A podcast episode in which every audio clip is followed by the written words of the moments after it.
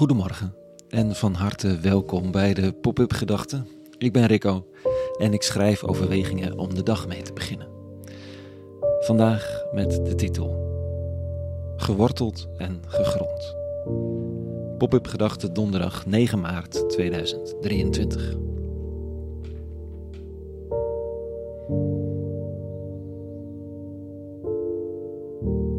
De dagen worden langer. Het wordt vroeger licht. Je ziet het nog niet helemaal op dit vroege uur, maar je hoort het wel. De vogels zijn al begonnen met hun concert. De omgeving hier zo in het centrum van Amsterdam is totaal versteend, maar vogels vinden er toch hun weg. En fluiten, chilpen en koeren dat het een lieve lust is. De dag is begonnen. Op een dag als deze en de meeste andere moet er weer van alles gedaan worden. Moet, mag, benadrukt dan iemand. Het moet niet, het mag. Ook goed, of eigenlijk niet per se, want het voelt lang niet altijd als mogen. Maar hey, als je het fijner vindt om het zo te noemen, vooral doen. Er staan taken op het lijstje. Er moeten dingen opgeleverd. Of het nu een schoon huis is om gasten te ontvangen, of een lezing die je moet houden, of een aantal lastige kwesties die toch echt opgelost moeten worden.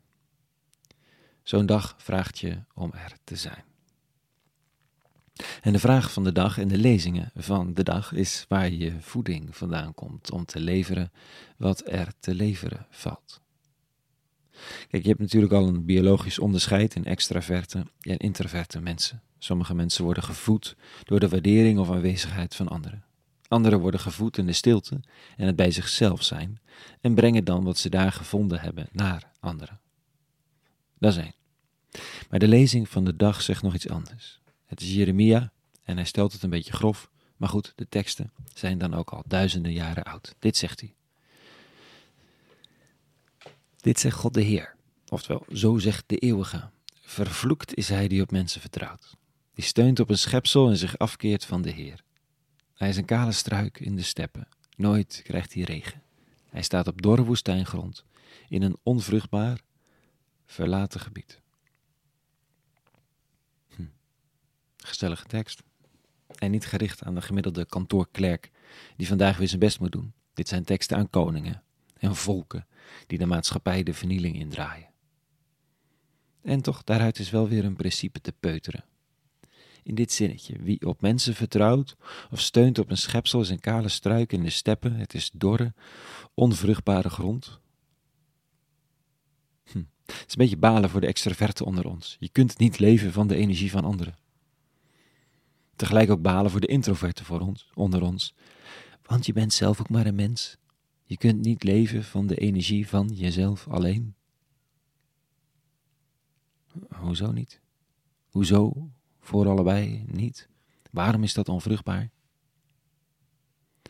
In de spirituele traditie van christendom wordt denk ik gesteld dat het simpelweg te onbetrouwbaar is.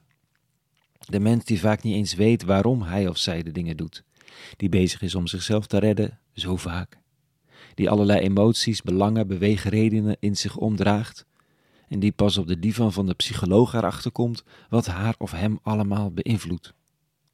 Je hebt geen idee waarom de ander waardeert wat die waardeert. En je hebt geen idee, ten diepste, waarom je op het ene moment trots kunt zijn op jezelf en het andere moment opeens weer in zak en as en zelfbeklag kunt vallen.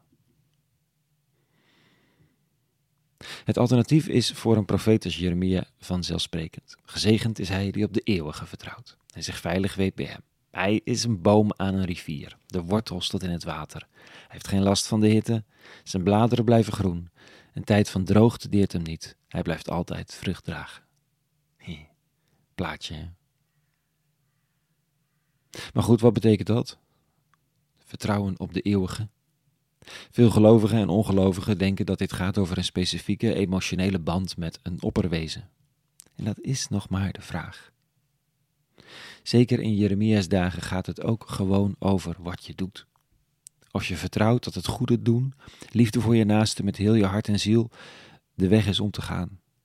Of je het er daarmee op waagt de goddelijke goede voorschriften over de andere wang toekeren, leren vergeven, liefhebben wie de ander ook is, dat dit de weg naar het leven is. Dan gaan die wortels de rivier in.